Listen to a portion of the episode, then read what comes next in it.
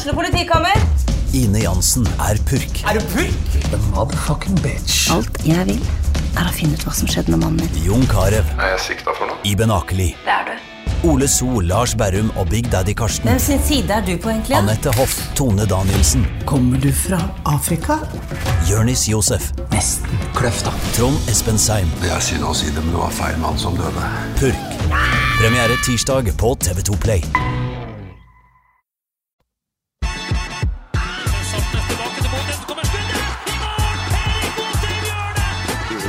More difficult for us than for boys.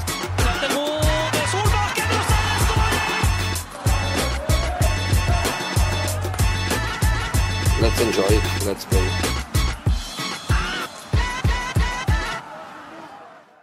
Ja, Freddy.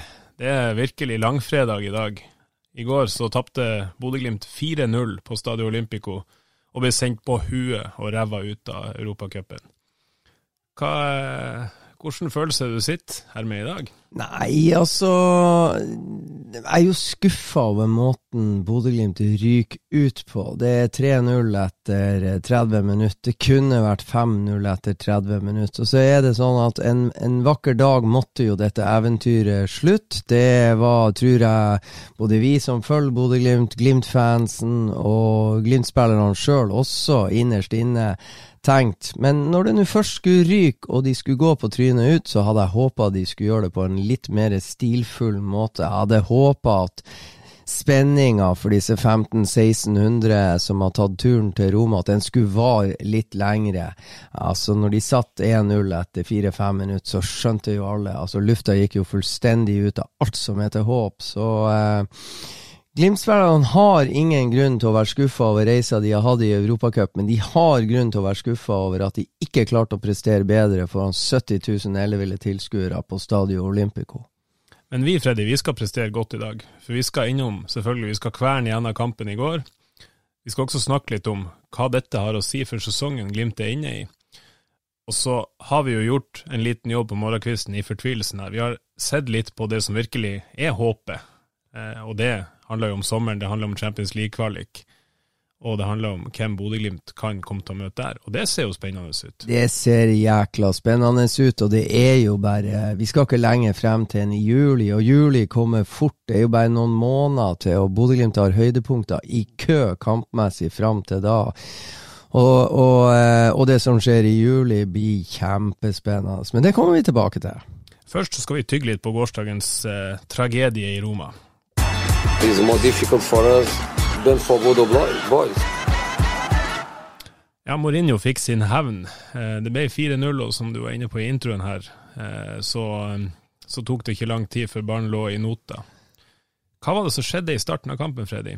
Nei, hva skjedde? Det tror jeg egentlig kanskje Glimt-spillerne også lurer på. Men det er jo det er klart, hvis, eh, hvis Bodø-Glimt skal stå imot et eh, romerlag som var såpass god og såpass påskrudd som, eh, som de var skjærtorsdag, da, da må de fleste i elveren til Bodø-Glimt ha en oppimot en maksdag, og det var det vel heller få som, som hadde for de helgule denne gang. Og så kan man begynne å spekulere litt årsakene til det, men Det blir jo bare spekulasjoner, men, men det virker ikke som at Glimt har eh, Glimt-spillerne og Glimt-troppen og Glimt-ledelsen har eh, takla helt det her kalabaliket som har vært etter 2-1-seieren på Aspmyra med eh, bruduljer i de indre gemakker på Aspmyra med Kjetil Knutsen og keepertreneren til Roma, Nuno Santes. Det ser for meg ut som at Roma-spillerne har takla den støyen jævla mye bedre enn Glimt-spillerne. En annen ting er, er det å spille foran 70 000 tilskuere på Stadio Olympica. Bay den eh, utfordringa for stor? Altså ble Glimt-spillerne prega av det, eller kan det være så enkelt som at Glimt har kjørt mot Celtic, de har kjørt to kamper mot Aset, og nå kamp nummer to mot Roma, den sjette i år i Europa, med en, en stall som er så marginal og så tynn, og som har på en måte overprestert i kamp etter kamp, og kanskje er det sånn at det ikke var mer krefter å hente ut? Du er inne på det, da. Eh, hvor påvirka blir man av det, det helt enorme mediesirkuset, det helt enorme trøkket som har vært rundt spillerne? Det har vært et, eh, altså et kaos uten like rundt Kjetil. Kjetil ender opp med å sitte bak, eh, bak mediebenkene på Stadio Olympico sammen med Frode Thomassen og Håvard Sakariassen, omringa av politi på Stadio Olympico. Eh, og Kjetil snakka jo faktisk, jeg tror aldri jeg har hørt han snakke om så, så mye om noe som ikke handler om fotball, som han har gjort i oppkjøringa til denne kampen. Har det vært energilekkasje? Ja jeg, jeg, tror, jeg, jeg tror mer på at uh, det er ei ekstremt slit, sliten gruppe. Runar Espejord står over mot uh, Sandefjord for å være klar til torsdagens kamp mot Roma.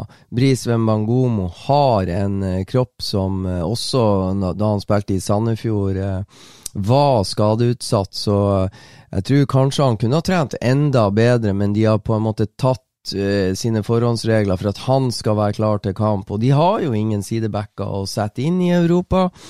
Så jeg, jeg tror hovedforklaringa er en, en, ekstremt sliten tropp som har spilt egentlig med tre midtbanespillere i seks kamper. Ja, Morten Konradsen var med i begynnelsen. Uh, og, og, fikk noen, noen få innhopp, og så ble også han skada. Uh, Men, men Glimt har og hevder hardnakka sjøl at de ikke har latt seg påvirke. Vi kan jo mistenke om at de, hadde, at de har blitt påvirka likevel, og det har spilt litt inn.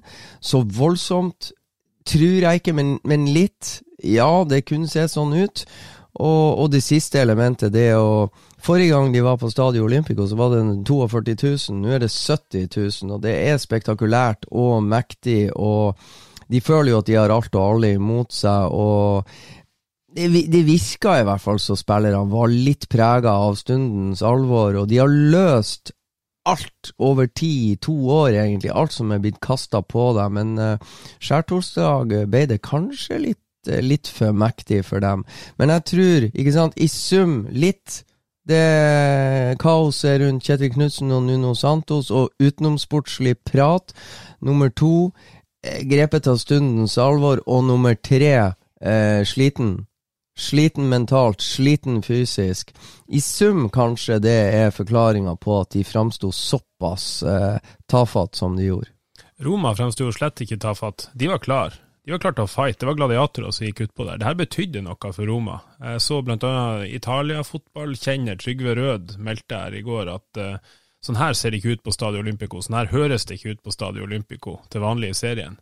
Nei, det, og det er sant, Markus. For, det, for det, ja, det er fullt hus når Lazio Når de møter Lazio hjemme. Det er ikke lenge siden de møtte Lazio og leda 3-0 til pause. Det ble 3-0. Det er typisk italiensk.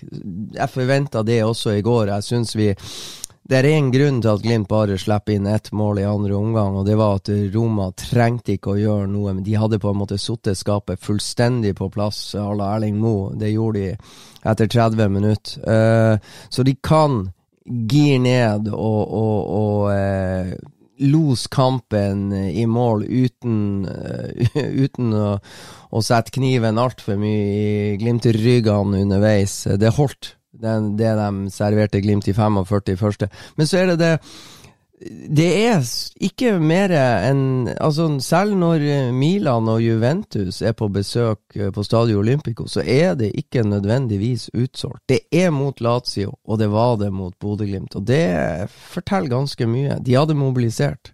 En annen ting som fortalte litt når jeg satt og så på det her, det var Mourinho sin reaksjon ettersom skåringene gikk inn. Sant? Det er, det er voldsom gestikulering og feiring og, og nesten sånn der eh, primalskrik fra Mourinho når eh, jeg tror det er to eller 3-0 som går inn. Og du hører på intervjuet etterpå, du har jo hørt på i opptakten og i intervjuene underveis og på den veldig anspente pressekonferansen at Glimt har tirra Mourinho. Veldig. Veldig. Og det er jo egentlig det beste skussmålet til Bodø-Glimt som klubb og spillerne og i det hele tatt at de har klart å tirre opp en trener som har den merittlista han har. Det er jo en prestasjon i seg sjøl. Mm, absolutt. Eh, han har gjort noen taktiske grep fra Bodø-matchen. De har jo identifisert tydeligvis venstresida til Glimt som den sida de skal la få sjansen til å spille seg ut bakfra. Bris Wembangomo har jo en, eh, en kamp han, han neppe sitter igjen med en så god følelse etter. Han blir jo åpenbart et slags målskive. De låser sida når han får ballen, og de får noen forferdelige brudd der i første omgang. Ja, de, de eh, Mourinho viste teft, og spørsmålet er om det er Mourinho som har identifisert det, eller om det er andre i teamet, men, men det, det er ingen tvil. De har Saniolo på banen, og de gangene Og, og Bris er såpass god at han vender jo av Saniolo og setter fart fremover ganske ofte, men det Roma gjorde denne gang, det var at de hadde en defensiv, sterk midtbanespiller som heter Cristante, som på en måte sto klar i det Bris skulle prøve å utnytte rommet han var i ferd med å skape etter å ha runda Saniolo, og der kom Cristante inn, skjærte av og skapa brudd for Roma hver gang. Så godt som hver gang.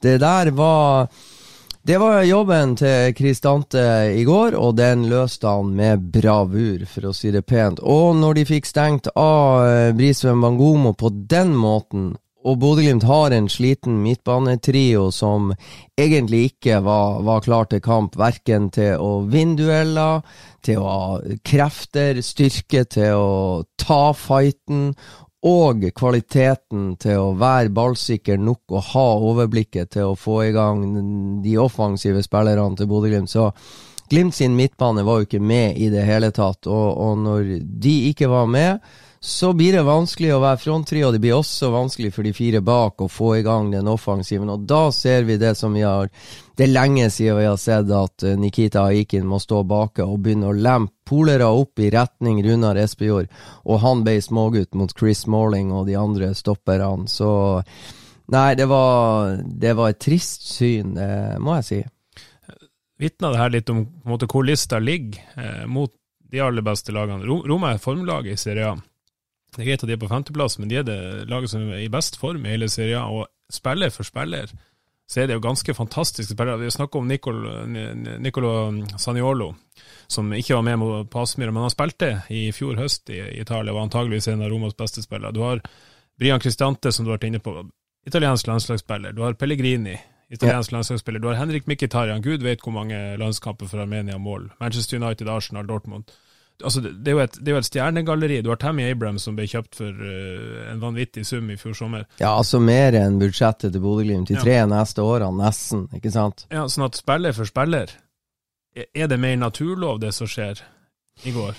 Ja, altså du kan si eh, Bodø, men, men uansett, Bodø-Glimt har vunnet 6-1 mot ja, B-laget. Men det, de spilte 2-2 på Stadio Olympico uten Ulrik Saltnes, uten uh, Patrick Berg. Uh, det er et uhyre sterkt resultat, og det var et romalag som var revansjesugent. Og som du sa, Nicolas Saniolo var med. Det samme var Tammy Abraham. Eh, Rick Harstorp på høyresida var opp og ned. Pellegrini var med. Mkhitarian var med. Så Glimt kan bedre enn dette. Roma så jævlig god ut uh, på skjærtorsdag, men så god som de så ut Altså, det er Glimt som lar dem se så steike bra ut. For uh, hvis du tar 4-0-målet, hvor Marius Høybråten er ute i løpeduell med Saniolo Marius Lode hadde f.eks. aldri tapt den uh, duellen der. Han, han hadde vunnet den løpeduellen der, og da hadde neppe den skåringa vært. Og 3-0-målet, som også kommer på eh, på en corner fra Bodø-Glimt. De header ut, og det er Jeg husker nå ikke hvilken Roma-spiller som tar Gilbert Komson med på en løpetur. Sarevski. Sarevski, unge, ja. Unggutten som har vært forrykende i Serie A. Han, eh, han, har et kraftfullt løp offensivt med Gilbert Komson, som etter min vurdering gjør en bra defensiv jobb der. Han plaga Sarevski, men det var ikke godt nok. Men det er to Glimt-spillere mot Saniolo. Det er Bris Wembangomo, det er Hugo Vetlesen. Og med Igjen, Marius Lode bak der i samme type løp. For de gjør ingenting. De, de selger seg, de setter seg sjøl ut av spill. De gjør ingen aksjoner i duell med Saniolo som gjør at de kan eh, forhindre at han blir spilt fri.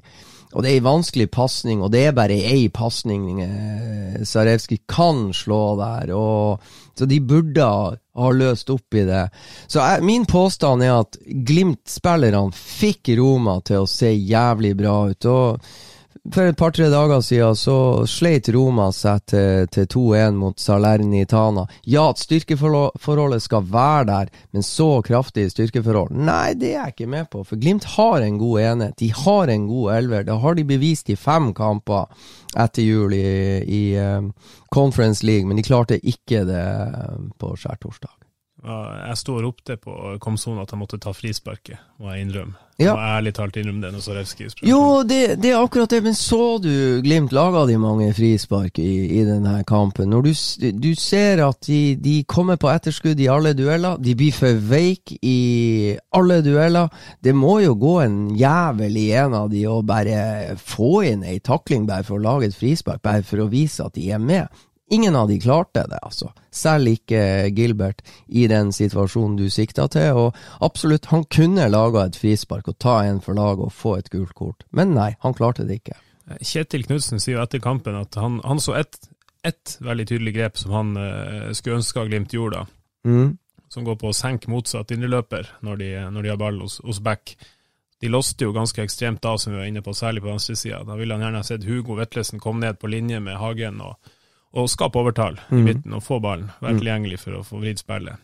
Eh, hvor, hvor, mye har det å si at Kjetil ikke er på sidelinja i sånne situasjoner? Altså, du som vet styrkene til de forskjellige trenerteamet. Um, er det Kjetil som ofte identifiserer sånne ting i kampbildet, eller er det sånn at Morten Kalvenes og de andre like, like gjerne gjør det? Det jeg har hørt, er at det er ganske mange kloke hoder på benken, og de oppdager ganske mye ganske raskt, og så har de diskusjoner, og så iverksetter de. Uh, Nå er det jo sånn at uh, de siste to årene har jo ikke Glimt trengt å identifisere så mye, for de har dominert mange av kampene. Men noen sånne trøblete kamper har de jo selvfølgelig vært involvert i, og, og uh, jeg, jeg, tror ikke det, det at Kjetil sitter på tribunen, jeg tror ikke det er av, uh, avgjørende i forhold til de, de andre, både Åsmund og Morten og Jonas og Robert Hauge, burde identifisert akkurat det samme syns jeg. Men hadde Kjetil vært der, så hadde han nok vært mye tydeligere og, og forsøkt å, å, gjøre det. Og så blir det mer spekulasjoner på hvorfor de andre ikke så det. Kan godt hende de så det, men klarte ikke å kommunisere det ut til, til guttene like tydelig.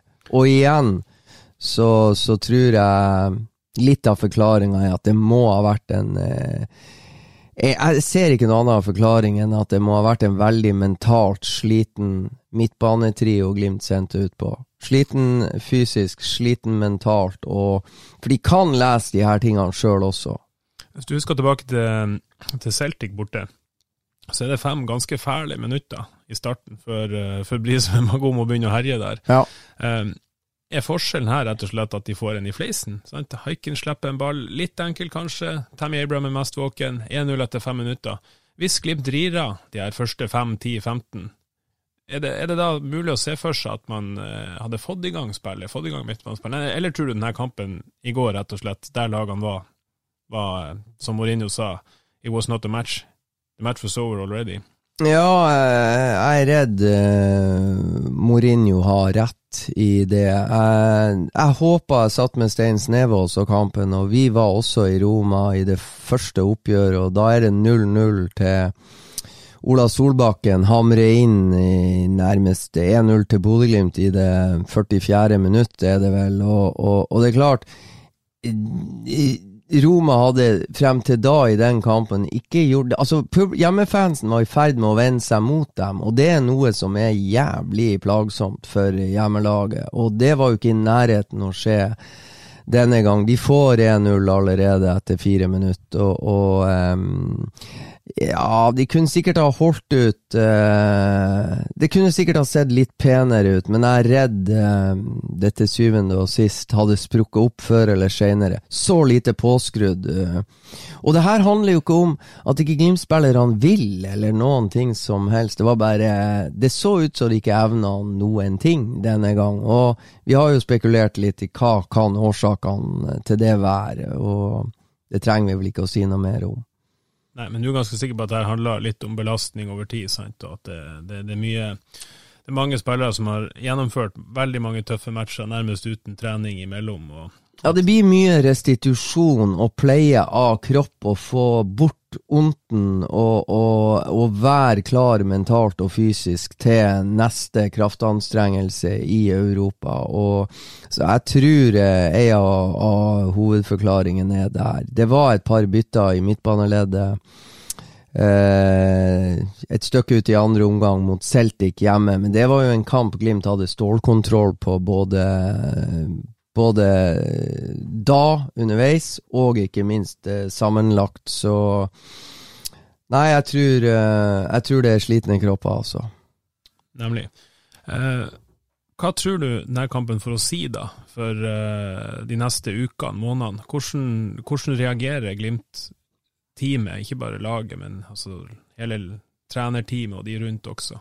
Ja, svaret får vi heldigvis veldig fort. Nå eh, på mandag kommer Vålerenga Dag Eilev Fagermo på besøk med Amola Joni i sine rekker, og Aron Dønnum sikkert. Kanskje han tilbake etter rødkortet han pådro seg. Kanskje må han stå over, kanskje fikk han to, jeg har sjekka. Men eh, Vålerenga er et lag eh, Glimt aldri har trøbbel med å motivere seg mot. Det er en kamp de ønsker å vinne, og det er altså mandag Vålerenga. Torsdag Torsdagen etter, tre dager etterpå, kommer Viking semifinale i cupen. Og søndagen etterpå det er det Viking i serien borte. Det er det må vi si eh, Skal ikke skryte for mye av Vålerenga, men det er to av de beste, antatt beste lagene i serien sammen med Molde, Bodø-Glimt og Rosenborg. Eh, sånn.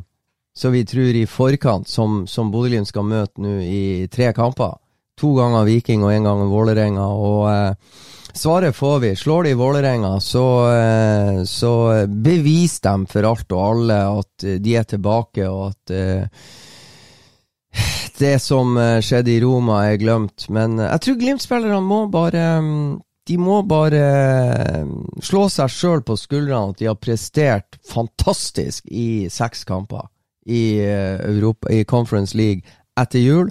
Nå skal de glede seg til serie og cup hjemme i Norge. Så skal de mobilisere og bygge opp en forrykende form til kvaliken til Champions League som starter i juli. Det er det det handler om. Men det fine for Glimt, det kommer kamper, og det kommer kamper tett for å motbevise oss skeptikerne om at eh, det at, at in, det inntrykket de etterlot skjærtorsdag, er det rette inntrykket.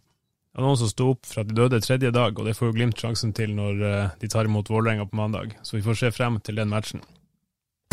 Saltnes tilbake til Bodø, så kommer skuddet! I mål! Erik Botheim her eh, på hytta i Beiarn til han Freddy, der vi har skutt oss imot alle oss klart å rigge oss opp, ja, så, så, så, er det litt, det er litt tekniske problemer her med Pepsi Max-bokser og det hele. Og, og, men får... Det er ikke tekniske problemer, det er bare litt sånn kullsyre som kommer uten at vi er helt forberedt på det. ja, vi får prøve å improvisere, vi også.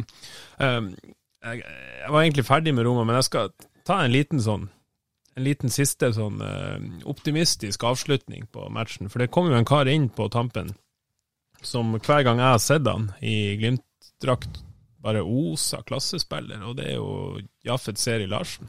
Ja, men du har, du har helt rett. Eh, han beviste det. Han hadde vel knapt rukket å trent med Bodø-Glimt før han spiller mot AGF Århus eh, i en treningskamp i i Spania tidlig i oppkjøringa, og det var uh, meget solide han viste i 45 minutter. Og du ser det når han kommer inn på, uh, på Stadio Olympico, du ser at dette er en god spiller. Og uh, det er klart, når han får litt flere treninger loggført, så, så blir det kamp på stoppeplass i Bodø-Glimt. Det er det ingen tvil om.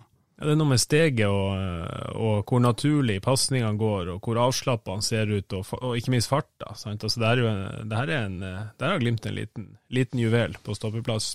Ja, og, og ikke sant, han er jo en av de som ble meldt inn i eh, En av tre som ble meldt inn i troppen til Conference League, og som Kjetil Knutsen og trenerteamet ikke har fått benytta seg av pga. Eh, han fikk en hjernerystelse mot AGF Århus. Han har fått to smeller i etterkant av den, så nå får vi håpe han eh, ikke stikke hodet i dueller han ikke burde, og at han får lov å både trene og kose seg ute på banen. For det, det, lille vi fikk se av han på Stadio Olympico, eh, levna ingen tvil. Vi ønsker å se mer eh, av han eh, i, i, obligatoriske kamper for Bodø-Glimt. Så det, det, er en spiller jeg tror Glimt-fansen kommer til å få mye glede av. Du var inne på det, jeg hadde enorm belastning, enorm kampbelastning. Det har vært en veldig tynn europatropp. Nå er på en måte alt det, alt det kastes ut av vinduet. Nå, nå har de full tropp. Så har de selvfølgelig noen, noen, skade, noen mindre skadeproblemer fortsatt i Pellegrino og Fett og litt forskjellig. Ja, og så, er det jo det at nå tror jeg, sånn som det har skjedd ut Jeg har ikke fått rapporter fra Italia, men, men før de dro så så det ut som både Morten Konradsen og Sondre Brunstad Fet nærma seg kraftig. Vi fikk se Jafet Seri Larsen på, på banen skjærtorsdag, så det er klart, eh, når de kommer tilbake, og jeg tror jeg tror eh, heller ikke Amahl Pellegrino er så altfor langt unna. Jeg fikk ei tekstmelding fra han underveis i Italia-oppholdet hvor han virkelig håpa han skulle rekke kampen har, eh, mot Roma. Så det har vært marginalt. Så vi får se. Håpet og målet og drømmen må jo være at Amahl er med i én av de her tre kommende kampene. Vålerenga-Viking eller Viking. Og jeg tror det er realistisk. Så har vi noen andre som, eh, som, er delvis på vei tilbake. Du har en Sondre Sørli som vi har fått sett litt nå i, i oppkjøringa i sesongstarten. Eh, begynner han å nærme seg godt gammelt nivå? Nei, altså, på trening så, så viser han uh, Han hadde et par Han hatt et par jækla bra treninger etter at han uh, fikk slippe seg løs i fri dressur uh, etter skaden. Så syns jeg kanskje han var litt sånn Jeg hadde forventa litt mer av han da han kom inn mot Sandefjord, forholdsvis tidlig. Men det fine er at han fikk loggført de minuttene han fikk. Kom vel inn etter 37 minutter for, uh, for Pellegrino. Så, så, for hans del er det bare å få mer og mer kamper, så har han såpass mye fart og kraft og trøkk i seg. Og, og han er også en som tåler å gjøre litt feil. Han prøver og så rister han det av seg, så prøver han på nytt, og det er jækla mye eh, vanskeligere å spille mot enn en som bare står og ikke tør å prøve på noen ting. Så Sørli kommer, eh, og han er jo egentlig som en ny spiller å regne eh, for Glimt-troppen etter å ha vært ute fra runde 8-9-10 i fjor, og, og Bodø-Glimt har jo nærmest spilt De har spilt 20 kamper i Europacup etter at uh, Sondre Sørli ble skada, så det er mange kamper han har gått glipp av. Det er jo helt sprøtt når, når, du drar opp antallet der, men med kvalik og alt, så er det 20 kamper. Er, ja, det, altså, jeg sa det i går, Markus, men tenk på det. Før Bodø-Glimt starta europacupeventyret, som slutta skjærtorsdag, så, så første kamp var Legia Warszawa på Aspmyra. Da var det Åsmund Bjørkan som hadde flest kamper i Europacupen for Bodø-Glimt, med 14. Og det er i Bodø-Glimt sin historie. Nå, eh, bare i år, eller bare fra Legia Warszawa frem til Roma, så har Alfons Samstedt loggført 20. Og han hadde tre året før, så han er oppe i 23. Så det er, helt, det er ganske spektakulært, eh, den reisa Glimt har eh, vært på. Hvis vi, hvis vi diskuterer motivasjon for de neste ukene, um, så er det ikke mange ganger det har vært cupfinale på Ullevål med Bodø-Glimt. Nå er jo en alle, alle tiders mulighet. Hjemmekamp i semifinalen mot Viking det, det, bør være mulig å få, uh, å få res, restarta maskineriene og haugene og, trykke til i en sånn anledning. Ja, og det er det som er Altså, det er jo en av suksessfaktorene til Bodø-Glimt. Hvis de hadde spilt en dårlig kamp etter en landskamppause, så var mantraet fra samtlige spillere at uh, det kommer en ny kamp om tre-fire dager, da skal vi være bedre enn Da skal vi prestere bedre enn vi gjorde sist. Og det Nå kommer det mange kamper, så det er jo det fine. Glimt får tre kamper på rad til å, å, å vise frem bedre prestasjoner enn de, enn de samla sett og enkeltspillere gjorde på Stadio Olympico. Det er det fine, og den muligheten tror jeg Glimt-spillerne kommer til å bruke. Og så er det det at uh, det jo, De har jo konkurranse. Gaute Wetti vil inn og spille. Anders Konradsen vil inn og spille. Morten Kohn og Sondre Brunstad Fet kommer til å komme og, og, og ta plass på trening, så eh, og gi beskjed forhåpentligvis om at også de ønsker å være med her. Så det blir en del luksusproblem for Kjetil Knutsen og trenerteamet fremover, og det blir steike bra. Du, skal få et todelt spørsmål. Den exiten mot Roma nå, hva har den å si for sesongen til Glimt? Altså Er det positivt med mindre kampbelastning og konsentrasjon om resten av, av uh, turneringene de er med i, eller er det negativt, altså den smellen de får? Og i forlengelsen av det skal du også få lov å spekulere litt i hva har det å si på lang sikt for prosjektet til Kjetil Knutsen? Tror du det, det gjør at Knutsen tenker at vet du hva, vi er ikke så langt unna, det er mulig å få til enda mer her? Eller ble det en smell i trynet for Kjetil også, å se at der ligger nivået? og det klarte vi ikke. Ja, jeg tror eh, første del av spørsmålet, så, så tror jeg at um, Altså, det er aldri positivt å ryke ut på den måten Glimt gjorde det, men eh, Glimt som klubb eh, har, eh, og spillerne er opptatt av å se mulighetene og ikke begrensningen. Og det er klart det gir muligheten. Nå, de, nå er det én ting mindre å konsentrere seg om. Nå er det Eliteserien, kom i gang der. Det, de er fortsatt med i cupen, og de skal etter hvert inn i cupen 2022, så de har nok av ting å konsentrere seg om. Det tror jeg de klarer. Jeg forventer at de klarer det, og jeg forventer at det er sånn de, de tenker. Og jeg forventer å se det allerede mot Vålerenga. Da får vi Altså, taper de for Vålerenga, og så ryker ut uh, hjemme i semifinalen uh, mot Viking, da tror jeg det kan bli litt sånn her trøbbel, og de må gå noen runder og finne ut av ting. Så det, det, Der er jeg litt sånn eh, Der har jeg en liten frykt, for da kommer de inn i en ny situasjon, ikke sant, hvor de får tre i fleisen på rekke og rad. Men jeg tror ikke det skjer. Jeg tror de er så sterke mentalt at uh, de slår tilbake allerede mot Vålerenga. Og gjør de det, ja, da har de kyssa goodbye til det som skjedde skjærtorsdag i uh, i Roma, og når det gjelder Kjetil Knutsen, så tror jeg det er én ting som motiverer han og trenerteamet, og det har motivert dem siden det skjedde. De er fortsatt irritert over måten laget framsto på mot Legia Warszawa. De føler, Kjetil Knutsen føler at, eller følte at Legia Warszawa var bedre forberedt på Bodø-Glimt enn Bodø-Glimt var på Legia Warszawa. Det forbandt han seg på skal aldri skje igjen. Det tror jeg er en av grunnene. Og vi kan si det ene Glimt gjorde, det var å sende eh, Send folk, altså at Åsmund Bjørkan fysisk var til stede og så kommende motstander live, in action. Det grepet ble gjort etter Legia Warszawa. Det har jo spilt positivt inn, og jeg sier ikke at det er eneste årsaken til at Glimt har gjort det bra mot uh, Valur og Salgiris og Pristina og hva de nå ikke het, de de slo ut i, i kvaliken på vei til gruppespill i, i Conference League, men, men den der eh, nøyaktigheten og, og, ikke la noen steiner være usnudd i forhold til å være best mulig forberedt mot motstanderen, det er det ene. Der har Glimt forbedra seg allerede.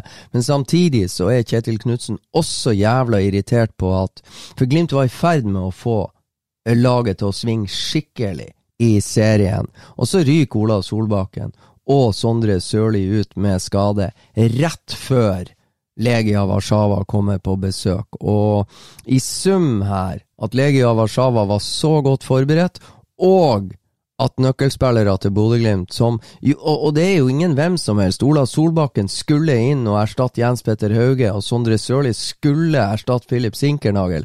Så det er jo ikke smågutter, noen brikker, som skal inn og falle på plass, mens Erik Botheim skulle da overta etter, etter Kasper Junker. Så de var i ferd med å få de her brikkene til å på en måte løse oppgavene på sin måte, og så ryker to av nøkkelbrikkene ut. Og hvem i svarte skal slå innlegg til Erik Potheim? Erik Potheim var jo begynt å fungere, med Sondre og Ola. Ikke sant? Og når det ikke kommer innlegg, når to andre må inn, og Glimt har, hadde knapt tid til å drille inn noen andre. Og de, det er altså Lasse Nordås, og ikke et vondt ord om Lasse Nordås. Han, han kommer til å bli en jævla god spiss, men en god ving blir han neppe. Det tror jeg kan si. Han spiller wing fra start mot Legia Warszawa, han har ingen fibrer i kroppen som tilsier at han skal løse det på en optimal måte. Det var Fredrik Bjørkan som var ute med skade. i samme kamp Ja, Legia. yes. Det, det er jo en eh, fortvilende eh, affære å tenke tilbake på. Ja, det var forferdelig timing, og jeg tror akkurat det som skjedde inn mot Legia, det motiverer Kjetil Knutsen, og det kommer til å motivere han steike mye inn til kvaliken som starter i juli. Kan jeg garantere deg. Tror du noe av det som har skjedd rundt det her oppgjøret mot, eller de her oppgjørene mot Roma, um, tror du han finner en slags motivasjon, kanskje også irritasjon, over at han tross alt ble påvirka av dette, dette spillet som Mourinho og trenerteamet satte i gang? Ja. Ja, jeg tror, jeg tror eh, Kjetil Knutsen og jeg tror Glimt kommer til å lære av dette på en positiv måte. Og um, det er klart det um, Glimt gjør sine feil. Uh, Roma uh, har sine tyvtriks. Jeg snakka med en fyr, altså. Glimt prøver jo Glimt dro jo til Dro til Spania når eh, alle mente at ingen skulle eh, dra på treningsleir, og myndighetene hadde fraråda det. De har eh, kanskje mm, på en måte eh, strukket grensene litt i forhold til egne spillere som eventuelt har fått korona eller ikke, og det å stå, ikke sant, og, og, og, og våre verdier og våre prinsipper, det, det blir en litt sånn der eh, skummel balansegang, og jeg har en meget oppegående kompis som etter 04 sa eh, Stilte spørsmålet da hva er best eller verst? Å ha ingen moral eller dobbeltmoral? Og eh, det der å gjøre seg til noe offer, eh, det tror jeg Glimt må legge bort fort som fy, for de har pusha grensene ganske godt. Og, og Cupdiskusjon også, Ja, der, der enkelte mente at de Ja. eh, i hvert fall ikke la til rette for å få spilt kampen. Nei, det er he helt klart, altså. De, er, de, de dundrer på, eh, Glimt. Og, og ja, kanskje med rette akkurat i cup, men, eh, men det blir liksom De må være litt forsiktige på, på eh, på hvordan de blir oppfatta utad hvis de spiller, tar for mye offerrollen over eh, Roma og Mourinho. Jeg tror, eh, jeg tror de bør legge den død nå, en gang for alle. For, for det er det der eh, Hva er best? Ingen moral eller dobbeltmoral. Jeg syns den er ganske genial å smake litt på. Så eh, nei, de må legge det bak seg en gang for alle, og så må de ta lærdom, lærdom, lærdom. Men er oppskrifta å sette Jonas Kolstad til å terge hovedtreneren til neste lag de møter i kvaliken? Nei, men altså, Glimt ansetter jo mye folk, så det er klart, hvorfor ikke ansette en egen gun som de har i amerikansk ishockey, eh, og, og, og ha en eller annen klar? Jeg tror du finner mange potensielle, brukbare, hva man skal si, eh, folk i Bodø som klarer å irritere både Steinar og, og, og holdt på å si keepertrenere og legendariske trenere. Så det, det hadde jo vært eh, Det, det- var jo litt spøkefullt, men altså, poenget er det må, må Glimt rett og slett ty til ren og skjær kynisme for å lykkes, eller går det an å lykkes på veldig høyt nivå uten å være så utprega kynisk? Altså, jeg tror ikke det, jeg tror ikke det, jeg tror ikke det er noe farlig å, å være kynisk. De må være forberedt på at eh, lag også fra eh, mindre klubber og mindre fotballnasjoner som de kommer til å møte i eh, Champions League-kvalik, så, så syns jeg det de har erfart nå, så skal de ikke bli overraska av noe. Så eh, Du nevnte Legia. Ja. Det var mye, mye diskusjon rundt at de spillerne lå nede, de filma at de møtte Legia. De, Ja. Legia hadde gjort hjemmeleksa si. De dro ned tempoet hver eneste situasjon mot Bodø Ja, Glimt. ja, ja. Og, og eh, helt klart, eh, det er Det er eh, an, Hva man skal si an, Andre Altså, det, de har en annen moral, og de har andre prinsipper, og de har andre leveregler rundt omkring i, i, um, i andre nasjoner, og, og, og kynisme der Ja, Pristina, Kosovo, ikke sant? Balkan og, og ikke noe De vet hva som må til for å vinne, også i de nasjonene der. Bosnia og Serbia og Du ser på håndball, ikke sant. Eh, er det uavgjort, eller er det at vi taper som gir oss en lettere vei videre ved neste korsvei i et håndballmesterskap? Ja, selvfølgelig så taper de. De bruker alle midler, eller de spiller uavgjort. De nekter å ikke sant, å, å, å slå en eh, presumptivt dårligere motstander hvis det eh, viser seg at eh, veien videre i mesterskapet blir tøffere. De er kyniske som faen, og det er ikke noe å si på det. Reglene er jo der, og, og av og til så går det utover Norge og Christian Berge sine menn, og, og, da er det vi og norsk presse som står og syter og klager. Men eh, hallo, det er jo bare én måte å gjøre det på. Det er å sørge for at reglene blir endra, hvis det er reglene det er noe feil med. Så det er en del nasjoner som er flinke til å bare kjøre kynisk og rått på det regelverket som er, og det må vi bare leve med. Ja, og så handler det om å få inn kynisme i egne rekker og bruke det til egen fordel når det kommer til dit. Oi, du spurte.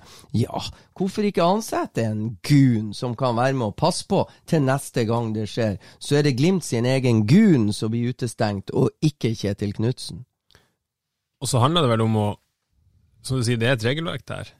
Eh, men de, de, på det her nivået av idrett så tøyes jo det regelverket. Og det er jo uansett hvilken idrett det er ja. snakk om. Ja, ja. Og, eh, og, og, som du sier, enkelte vil jo hevde at Glimt har gjort det. F.eks. ved denne turen til Spania mens det var koronastengt i, i Norge. Det var jo noen som mente at det var i hvert fall at høy intensjon bak regelverket. Ja da, det, det ble hevda det, og, og Bodø-Glimt sto på sitt og hadde kanskje De skulle forberede seg til Champions League-kvalik og Europacup-kvalik. Det gjorde de. de det fungerte. Det fungerte, og ironien i det hele, jeg må jo si det, altså Den reisa til Bodø-Glimt, som nå i Europa, gikk ut over Ålesund. Jeg syns det er artig å nevne det, men en av grunnene til at eh, Bodø-Glimt og Molde, i, før de begynte å prestere godt i Europa, hadde en litt tøff reise, det er jo fordi at daværende branntrener Lars Arne Nilsen røk ut i både 2017 og i 2019, i første runde, kvalikrunde, mot bl.a. et lag fra Slovenia eller Slovakia. Eh, Rusumberuk, som eh, Ja, jeg kom på det der. Og Shamrock Rovers. Så det er ikke storlag. Men det skaper ikke jævlig gode ratingpoeng for kommende norske lag som skal spille i Europacupen. Så det er jo en slags skjebnens ironi, da, at det at norsk toppfotball og Norges Fotballforbund ønsker å legge til rette for Bodø-Glimt sin vei i Europa, som nå Du kan forklare hva konsekvensen av Glimts reise nå er for kommende lag som skal i Europacup, men det er jo en slags skjebnens ironi at det gikk utover Lars Arne Nilsen og Ålesund i cupen, da. Jeg ja. syns faktisk det er litt artig. Og så er det jo sånn at vi supportere vi sitter vel aldri og jubler for at et annet norsk lag nødvendigvis gjør det så godt.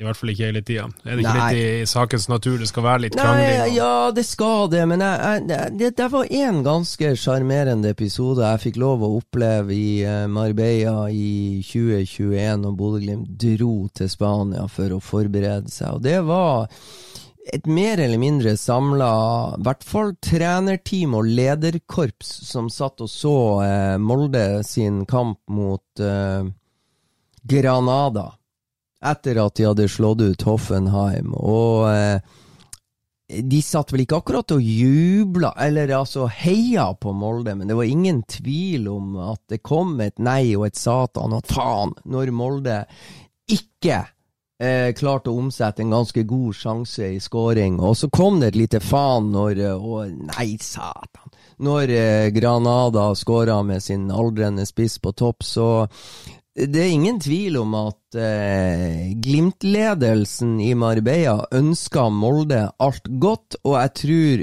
i, i, Molde sine oppgjør mot Granada, og det tror jeg fordi at de klarte også de å tenke hva er best for norsk fotball. Jeg satt og så det sjøl, jeg gjorde ikke noe eh, ut av det, men jeg, for meg var det ganske fint å se. Absolutt. Du har uh, spilt oss litt opp nå, for nå skal vi snakke om nettopp ratingpoeng, Norges posisjon i europeisk fotball og veien til videre europaspill.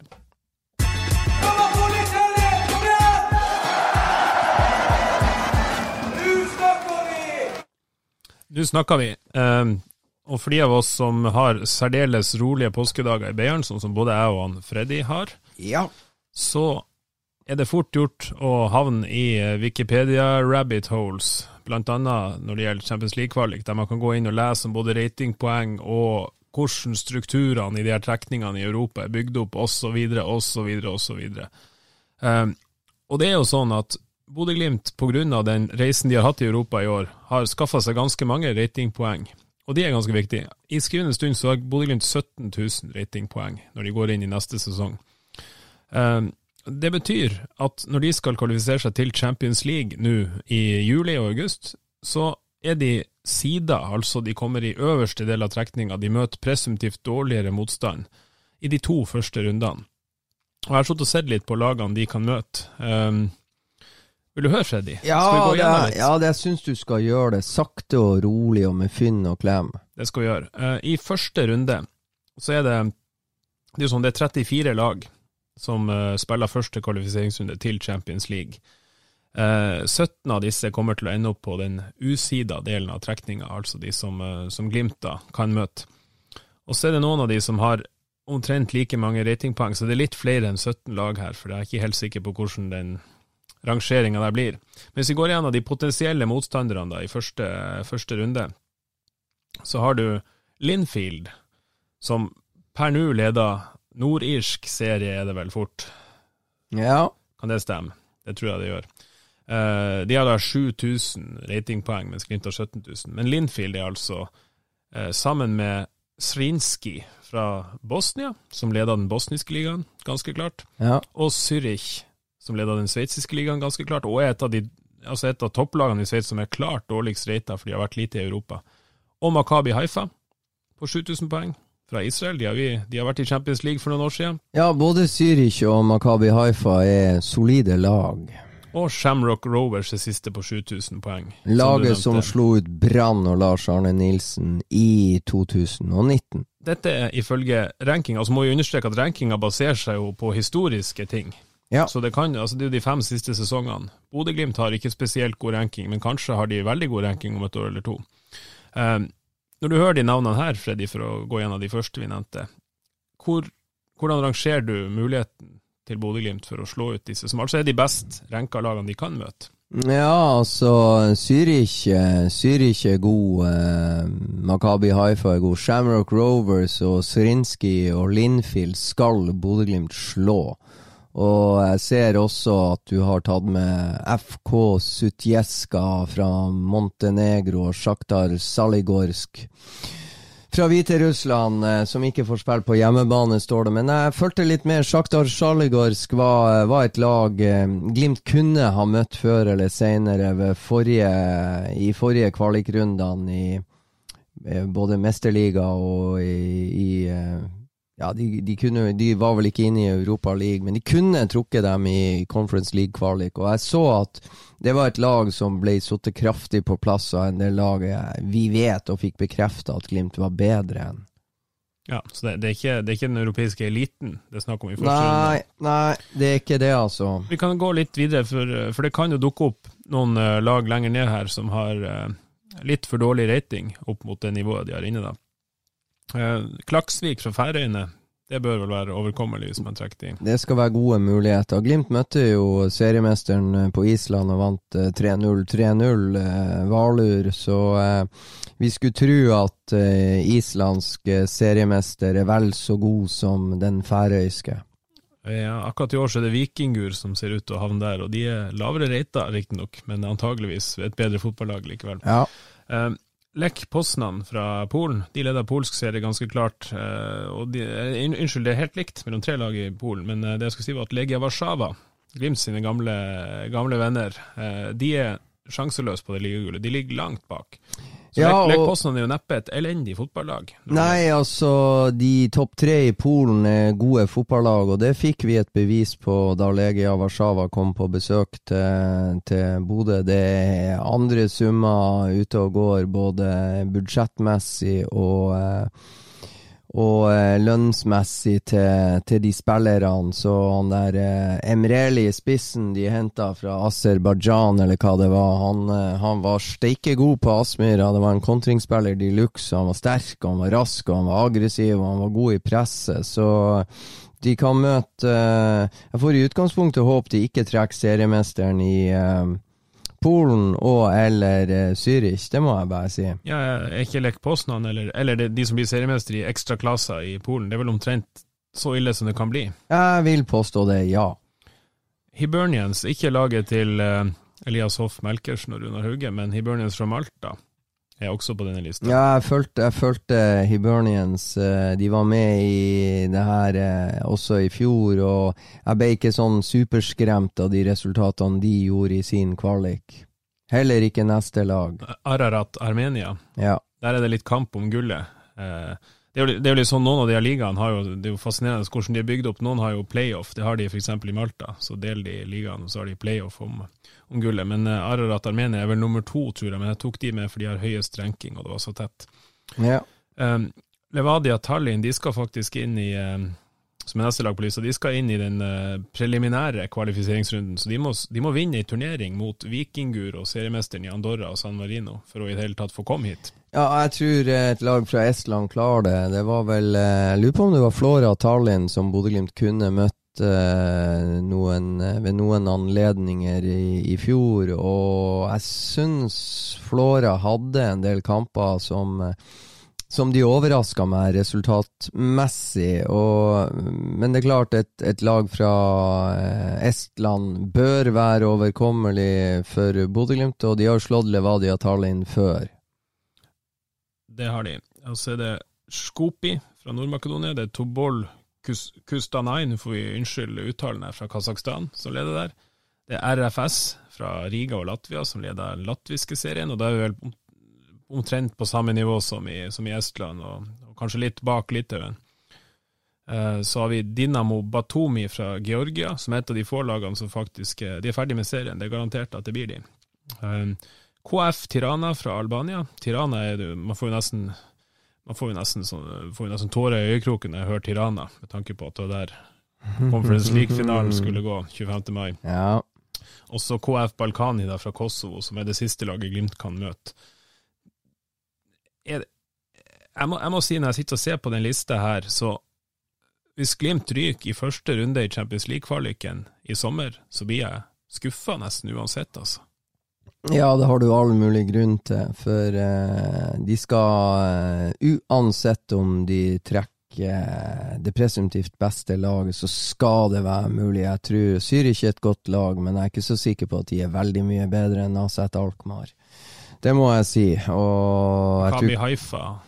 Ja, det, det, Jeg tror heller ikke de er på nivå med Aset Alkmaar. Men, så, men så, hvis du tar uh, Syns det er interessant en sånn uh, Tobol Kustanai, det er en ekstremt lang reise. Det blir, uh, det blir borti langt vekk i stan, i Kasakhstan, og det håper jeg Glimt unngår. Men rett og slett på grunn av av lang reise og den slags, men um, Nei, det, det ser Og det å I fjor var de usida, i år er de sida, og det er jo eh, ekstremt mye bedre eh, enn utgangspunktet var i fjor. Det skal jo ingen være i tvil om. Og de lagene her, Nå skal ikke vi ta Glimt taket lett på noen, men, men det skal være relativt overkommelig en del ting her, ja.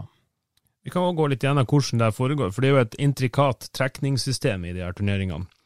Eh, de første to kvalifiseringsrundene de trekkes eh, samtidig.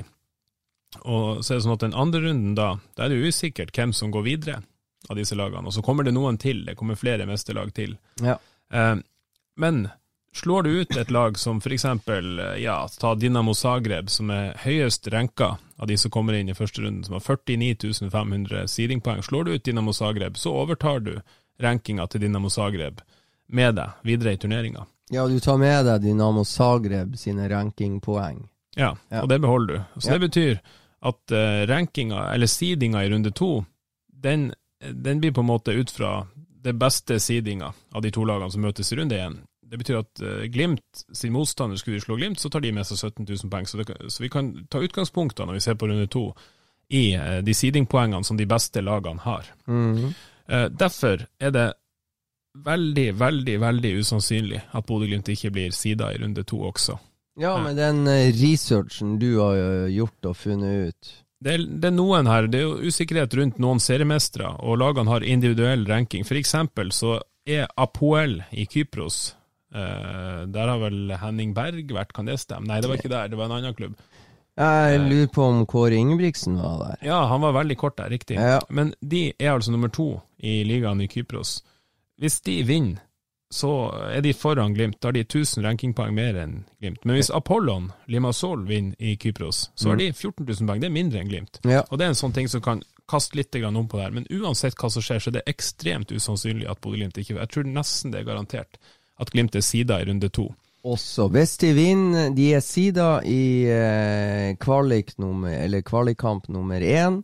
Det betyr at de i utgangspunktet skal trekke en svakere motstander, og vinner de første runde, så, så er, de, er de mest sannsynlig sida også før trekninga til runde to.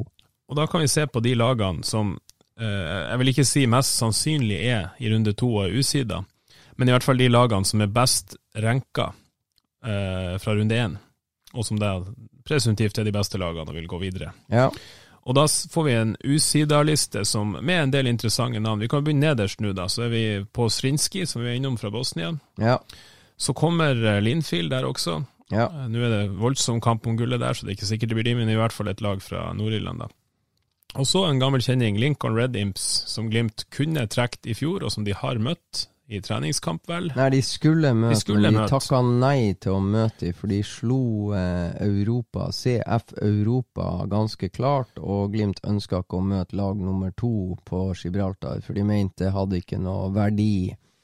Nemlig. Så det her er altså et lag som Glimt kan møte i andre kvalifiseringsrunde. Ja. Eh, leder vel så vidt playoffen i Gibraltar der foran Europa nå. Eh, Salgiris Vilnius, i hvert fall gammel kjenning.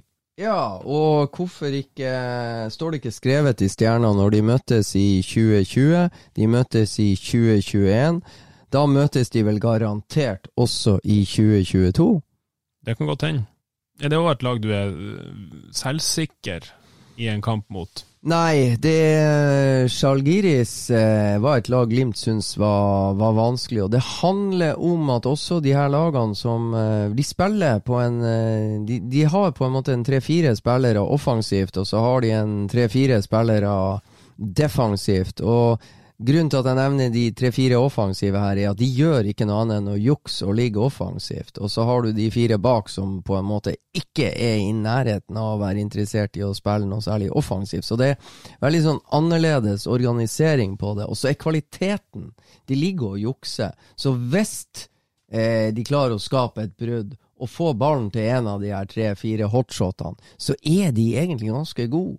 Eh, og, og utnytte her eh, kontringsmulighetene. Og Sjalgiris eh, kunne jo Det ble 2-2 borte etter to flotte skåringer av Ulrik Saltnes, men du verden, Glimt hang i stroppene de første 25. Slapp med skrekken. Det ble ett baklengs. Det kunne ha blitt flere. Men utover i kampen så fikk Glimt tak i mer og mer, og jeg syns i andre omgangen der var Glimt sterk. Og så brukte Glimt steike lang tid på å avgjøre hjemme på Aspmyra. Det var vel Ola Solbakken, Var det jeg. ikke Botheim med to?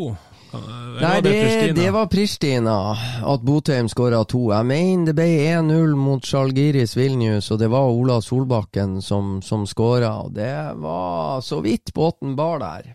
Det er liksom det er kasinovarianten, det er, det er rulettvarianten de spiller. De slipper igjen fire spillere offensivt, og så gambler de, og så sier vi hvis vi klarer å forsvare oss, så har vi sjansen til å komme Ja, og gamble inn et mål. Ja, og så er de flere av de her er raske, de er tekniske, de går rett frem, for de er vant til å holde på sånn i serien og bøtte inn mål og er fulle av selvtillit, så de er såpass gode, enkelte av de her, at de eh, Hugo Widemont, mener han heter, han ene franskmannen på eh, Sjalgiris som lå og jukta, som var skummel egentlig hver gang han hadde ballen rettvendt, og han fikk han dessverre rettvendt litt for ofte mot Glimt.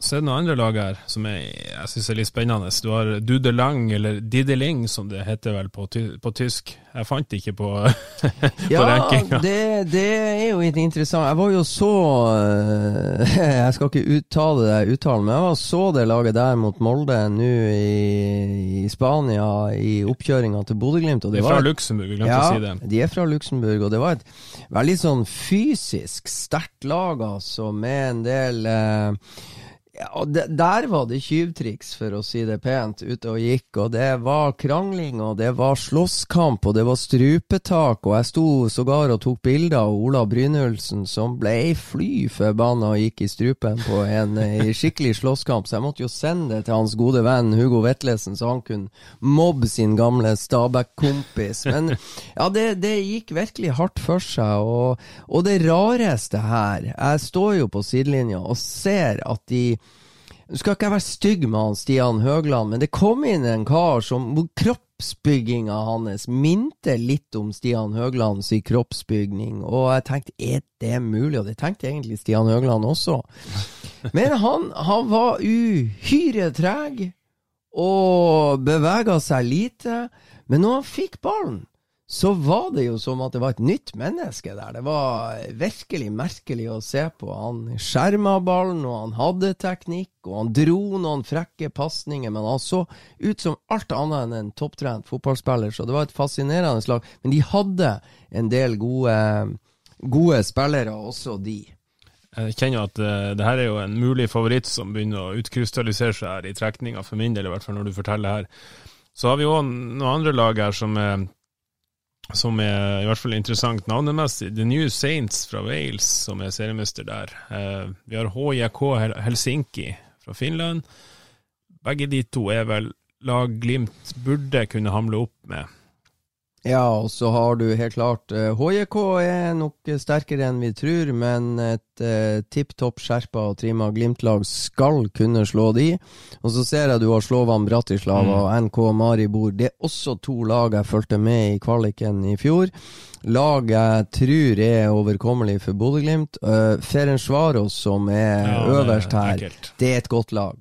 Det er et er, veldig godt lag. det er et godt lag med Jeg tror han er det Borli han heter på topp, og Tokmak Nguyen, så det kan jo bli Det er jo bestekompisen til Amahl Pellegrino, så det kan jo bli De var på ferie i etter at Amahl Pellegrino hadde fått seg sitt første seriegull med Glimt etter kampen på Konsto, så det kunne jo blitt jævlig interessant, eh, de to eh, vennene fra Drammen møtes om å gå videre i Champions League, men det, det tror jeg kan bli et tøff nøtt for eh, Bodø-Glimt. Det er totalt 20 lag i denne delen av kvalifiseringa. Det er 10 som er sida, 10 som er usida.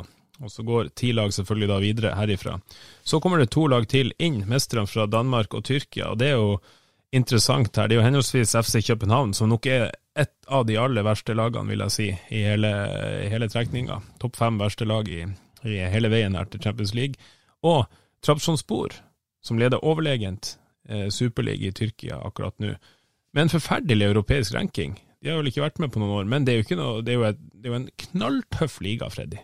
Ja, og, og Trabzonspor er jo De elsker jo fortsatt tidligere Glimt-spiller Alexander Sørloth, og han skryter, både han og pappa han skryter veldig av eh, den klubben der. eh, og og eh, det, Molde røk jo på straffekonk i fjor mot Trabzonspor. Eh, så eh, det kan jo være mulig. Eh, men, jeg mener at Molde hadde et ganske bra resultat fra bortebane med seg hjem til Molde, og så klarte de ikke helt å, å dra den fordelen med seg på kunstgresset hjemme. Og det var vel tidligere Rosenborg-spiller Anders Tronsen som skåra på et av de avgjørende straffene for Trabzonspor. Om ikke den avgjørende, og sendte Molde ut og Trabzonspor videre, så hvis Molde kan matche Trabzonspor som de gjorde, så er det også mulig for Bodø-Glimt, tenker jeg. Selv om Glimt neppe kommer til å møte i, denne runden, fordi eh, Glimt er usida i tredje runde antagelig, og Trabzonspor er faktisk det klart dårligst sida laget i hele runden pga. historikken i Europa. Ja. Eh, merkelig nok. Ja, så da er, da er Trabzonspor og Glimt usida, Ja. så kan de møte eh, Slavia Praha, Dinamo Zagreb, Røde Stjerne, FC København eller Karabakh. Og Malmö. Ja. I tredje runde, men da må Bodø-Glimt ha vunnet første og andre. Ja.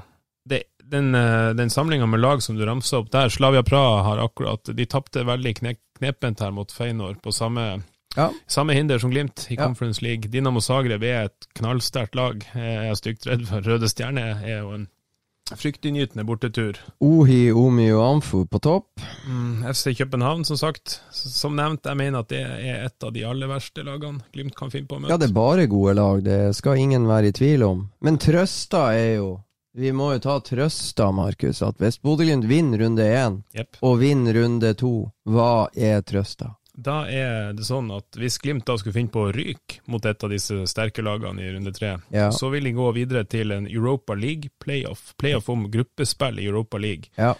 Eh, og det er veldig fint. Vinner den, så er de i Europa League. Og kinderegget her er jo at taper de den, så er de altså i Conference League. Så vinner Glimt mot noen av de lagene vi har gått igjennom i de to første rundene her. Kommer de seg videre fra runde to, så er de sikra minimum Conference League-gruppespill. Og det er jo det er jo fint å tenke på. Ja, det er veldig fint å tenke på, og det skal nå gudene vite, at eh, det har jo gitt mersmak å følge Bodø-Glimt på høsten i et, eh, et gruppespill i, eh, i Conference League mot Soria Luhansk, CSKA Sofia og AC Roma. Det lar seg jo høre med en liten bortetur til Praha på høsten her, eller i sommer faktisk, kanskje blir det vel til og med. Hvis de kommer til tredje runde her, borte mot Slavia Praha, eller Dinamo Zagreb, eller København, eller Karabag i Aserbajdsjan. Det er jo en brukbar flytur der. Eh, ja.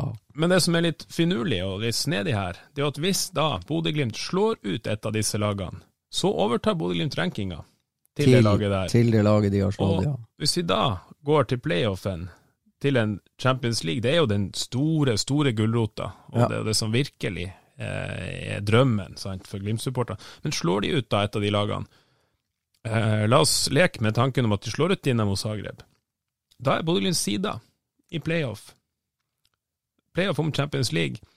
Blir Bodø Glimts side, så kan de da møte eh, Nå må jeg se litt på lista her. Det er enten København eller Celtic eller Karabag eller Ja, nå er jeg litt usikker, for, for jeg har, jeg har ikke med det, det laget som da erstatter Dinamo Zagreb. Hva det blir for noe? Det blir vel uh, antageligvis uh, uh, Det blir Malmö, det, vet du.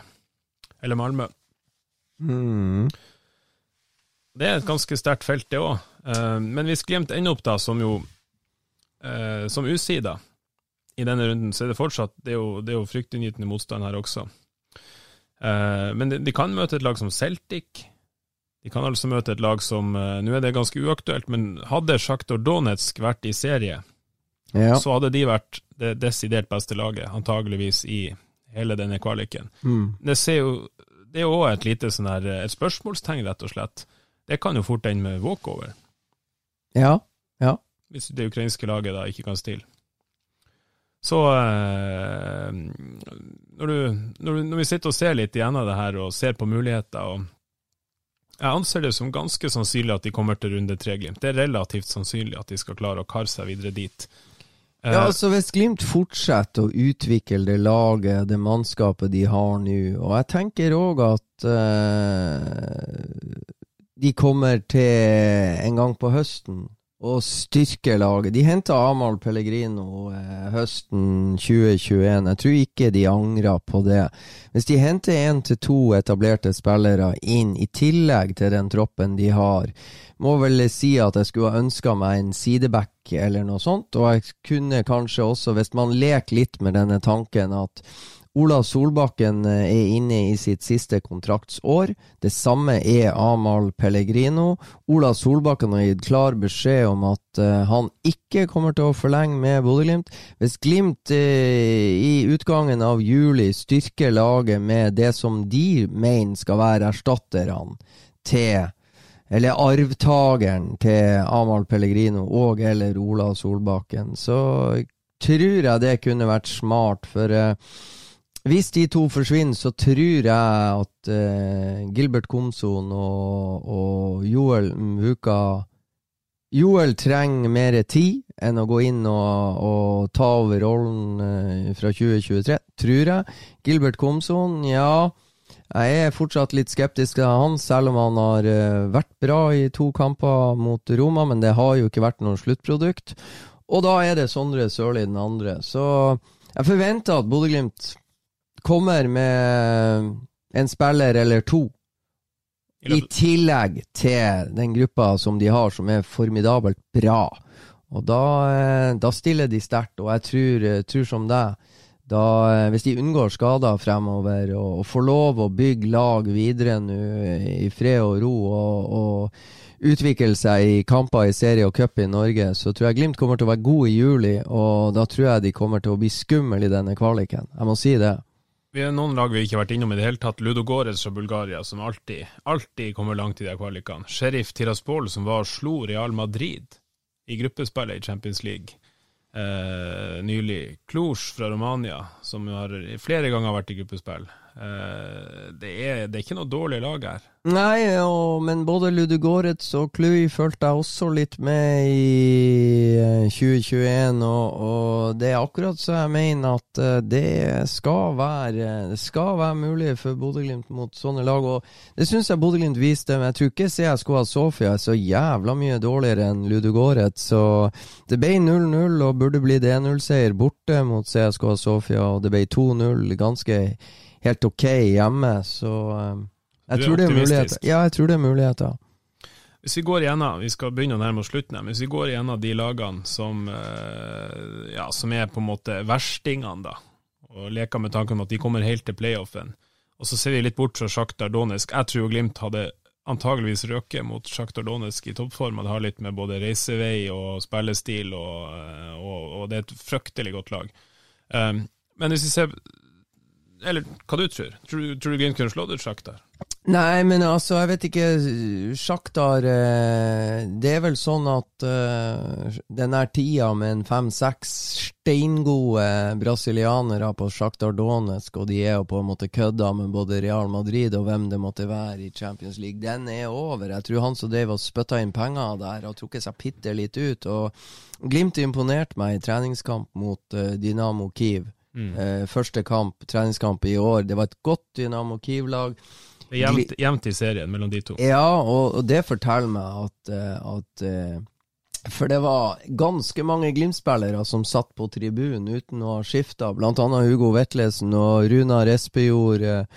Sondre Sørli og, og, med flere satt på tribunen, og da hadde Glimt akkurat kvitta seg med Patrick Berg, Marius Lode, Fredrik André Bjørkan og Erik Botheim. Så det var, det var, mange nye som skulle inn, så jeg syns Glimt var god mot Dynamo Kiev. Og det, jeg har sjekka litt på det Dynamo Kiev-laget. Det var meritterte spillere som var utpå og representerte den ukrainske storheten i den kampen også. Så eh, ja, det kan være mulig, tenker jeg. Slavia Praha, som vi har vært inne på.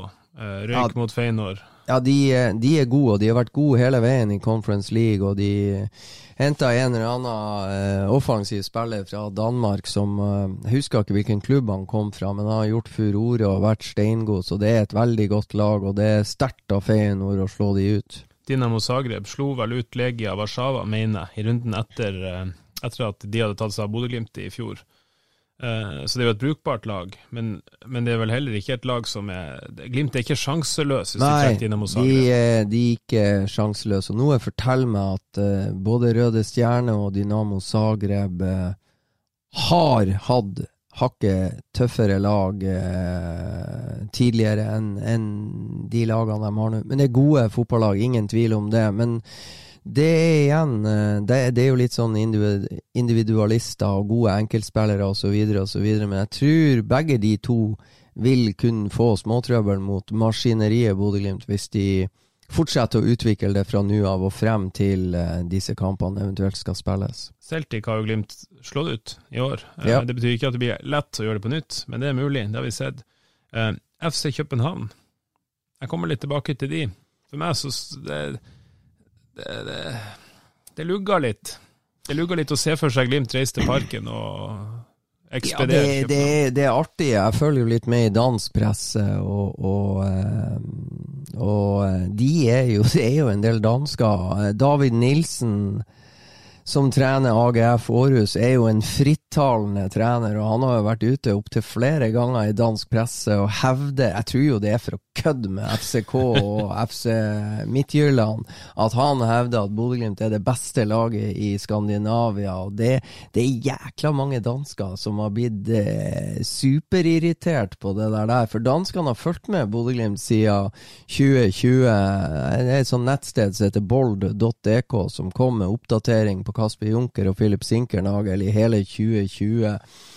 Og det var ganske fornøyelig eh, etter hvert så de dro. Danskene mente jo at de, det fortalte alt om Deres suksess i Norge fortalte alt om hvor jævla dårlig den norske ligaen var, for begge to stinka i Danmark. Men så er det jo noen som har begynt å følge litt med og sett Glimt-kamper av de her, og det blir Det er de skriver fortsatt på boll.dk om Bodø-Glimt, og de har gjort det i, eh, i uh, Europacupen her nå, og det er det er ganske mange kommentarer i eh, nyhetsinnslagene eh, om Bodø-Glimt, og det er fascinerende å lese disse kommentarspaltene. Og det er mange som mener, også dansker, men det er da ikke folk som ja, så AGF eller Aalborg eller Odense-supportere eller Wiborg eller Lyngby, de hiver seg liksom med på det her eh, David eh, Nilsen-toget og på en måte skal kødde med FCK-fansen og FC Midtjylland-fansen. Det er jævla artig. Ja, det hadde vært fantastisk artig å få Og det, da hadde danskene døpt det slag om Skandinavia, det kan jeg garantere deg. Og det samme antydningene ser vi også litt i Sverige. Ja, og norske fjellaper ned til Kjøben der på Langviken, og det hadde vært helt En annen, bare som jeg vil si, ikke sant, bare sånn eh, En liten observasjon. Vi var jo Vi traff jo på to journalister, danske journalister. og Jeg har jo hatt en liten sånn her tendens at jeg syns de her danskene er litt arrogante. I hvert fall den danske ekspertisen. Du finner ikke noe Erik Niva i Danmark, for å si det sånn.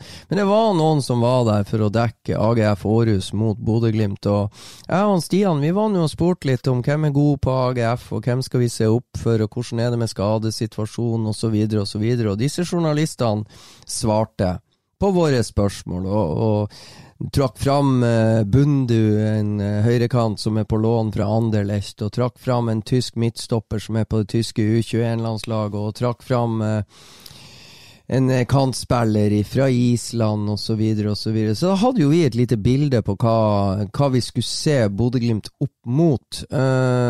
Det som jeg syns var så fascinerende, de møter da et lag som har gjort furore, og som har eh, slått Roma 6-1, og som har spilt 2-2 borte. Tror du det kom noen spørsmål fra disse danskene om hvordan dette Bodø-Glimt-laget så ut? Nei, heter vel at det er nei. Ingenting.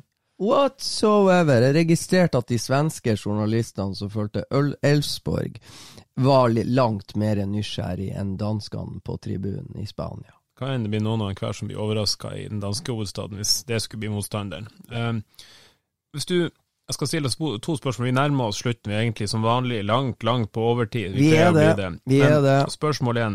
Hva er det, den verste motstanderen av alle de Glimt potensielt kan, kan møte på veien mot et CL-gruppespill?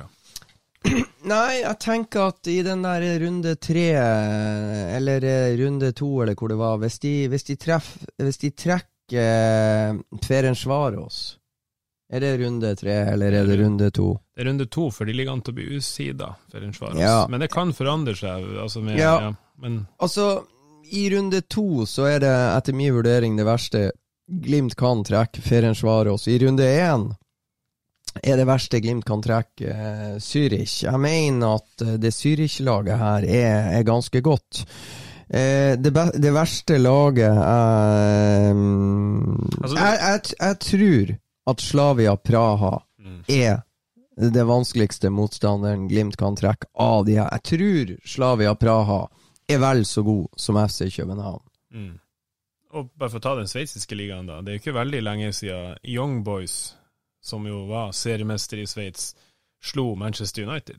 Nei, det er akkurat det. Og så hadde de en eh, Altså, Zürich mener jeg er en av klubbene som, eh, som på et tidlig tidspunkt var ute etter Marius Lode. Og han eh, Han valgte jo å takke nei til dette, men, men han, han, var ganske sånn overbevisende i sin omtale om at dette var et jævla godt fotballag, så jeg velger å, å, å tro på Lode i, i den saken der. Så, så jeg tror og ikke sant, Sveits det er jo en nasjon vi ser i fotball-VM og fotball-EM, og, og, ja, det er jo bare utenlandsproffer, men et sted må jo disse proffene ha starta. Så jeg er litt sånn forundra over at den sveitsiske ligaen er såpass langt ned rankingmessig, og også den polske. For det er jo langt mer penger enn en det er i Norge, for å si det pent. Ja, det er jo litt todelt. Det er jo selvfølgelig forskjell på klubbrankinga, ja. men likevel, de kommer, de kommer, veldig tidlig inn i ja. noen av disse landene. Så ja. det, jeg er enig, det, det er forunderlig. Men, eh, men, eh, spesielt eh, så er jeg forundra over den, den polske, altså. Mm. Som, som, ikke er noen side eller noen ting. Jeg tror Legia er på nivå med Glimt i seeding, hvis jeg husker rett. Cirka. Så det er jo ikke veldig høyt heller, sett opp mot mot, mot styrken i serien. Da. Nei. Um, siste spørsmål herifra, før vi slutter å drømme. Uh, drømmemotstander i runde én, Freddy? Drømmemotstander Må jeg kikke på, på Må jeg kikke på drømmemotstander i runde én, ja skal vi se Ja Nei, jeg tror hvis de trekker Det, det er mange drømmemotstandere. Det er Klaksvik, og det er Hibernians, og det er Ararat Armenia, og det er Scoopy og Jeg tenkte Jeg er drømmemotstandere RFS Riga. Det passer langt. Ja. Passer langt og, og møblert land. Uh, fornuftige folk. Uh, var, vi har jo vært, jeg har jo vært heldig, og det var fantastisk å være i Sofia. Flotte folk. og uh, Ukraina var vi også. Det, det, det du, du, møter på ganske mange trivelige folk både i og rundt klubbene, og på de hotellene man bor, og ikke minst uh, sjåførene. Og... Nei, jeg tror Riga hadde vært, for det er en bra by et, en overkommelig motstander, så hvis jeg skal tenke bare på meg, så Riga. Da satser vi på Riga i første runde, og så satser vi på Dudelange, eller hva det heter i andre runde for Luxembourg. Ja, det gjør vi. Hvis ikke det blir Dudelange, så hadde det vært jævlig stilig å reise ned og, og, og møte Lincoln Redims på kunstgressbane, for Gibraltar er et tøft sted, jeg skal bare love deg. Du, du parkere i denne byen La Linea, et parkeringshus, og så går du inn i Gibraltar, og det første du går etter du har kommet over flystripa, det er nasjonalstadion til Gibraltar, der alle klubbene i Gibraltar spiller sine hjemmekamper. Det er jævlig fascinerende. Jeg satt og leste meg opp på Gibraltar når, eh, til, i researchen til det her. De har jo slått sammen, de hadde to divisjoner. Nå har de bare én. De det er ikke nok klubber, de har slått det sammen. Det er én ja. divisjon. Ja. Sitter, Alle samme bane. Men de spiller på samme bane, det, nei, det er litt tøft, altså. Det må jeg si. Veldig fascinerende. Og kommer vi til runde tre, da må vi opp på noen sider lag. Ja, runde tre, sider lag. Eh, best mulighet for Bodø-Glimt. Eh, ja, det blir jo pest eller kolera. Eh, Dynamo Zagreb eller Røde Stjerne. Du sikta der. Du vil ikke ha København eller Malmö, eller Karabag. Ja, det hadde jo vært jævlig artig, altså. Eh, København eller Malmö. Ja, det hadde, det hadde vært utrolig artig, det òg. Og det er jo bare gode lag der. Det er det. Det er ikke tvil. Men jeg tror samtlige av disse lagene skal få trøbbel på Aspmyra, og det er det ene.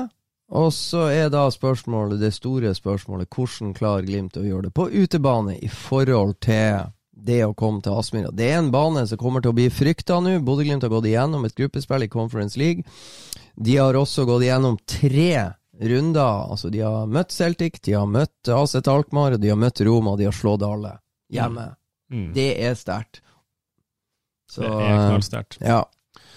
Da tror jeg vi skal begynne å pakke sammen her i, på hytteloftet. Vi har klart oss mot alle odds og mot tekniske utfordringer og mot vår egen tekniske inkompetanse. Vi har lyktes med å spille inn en episode.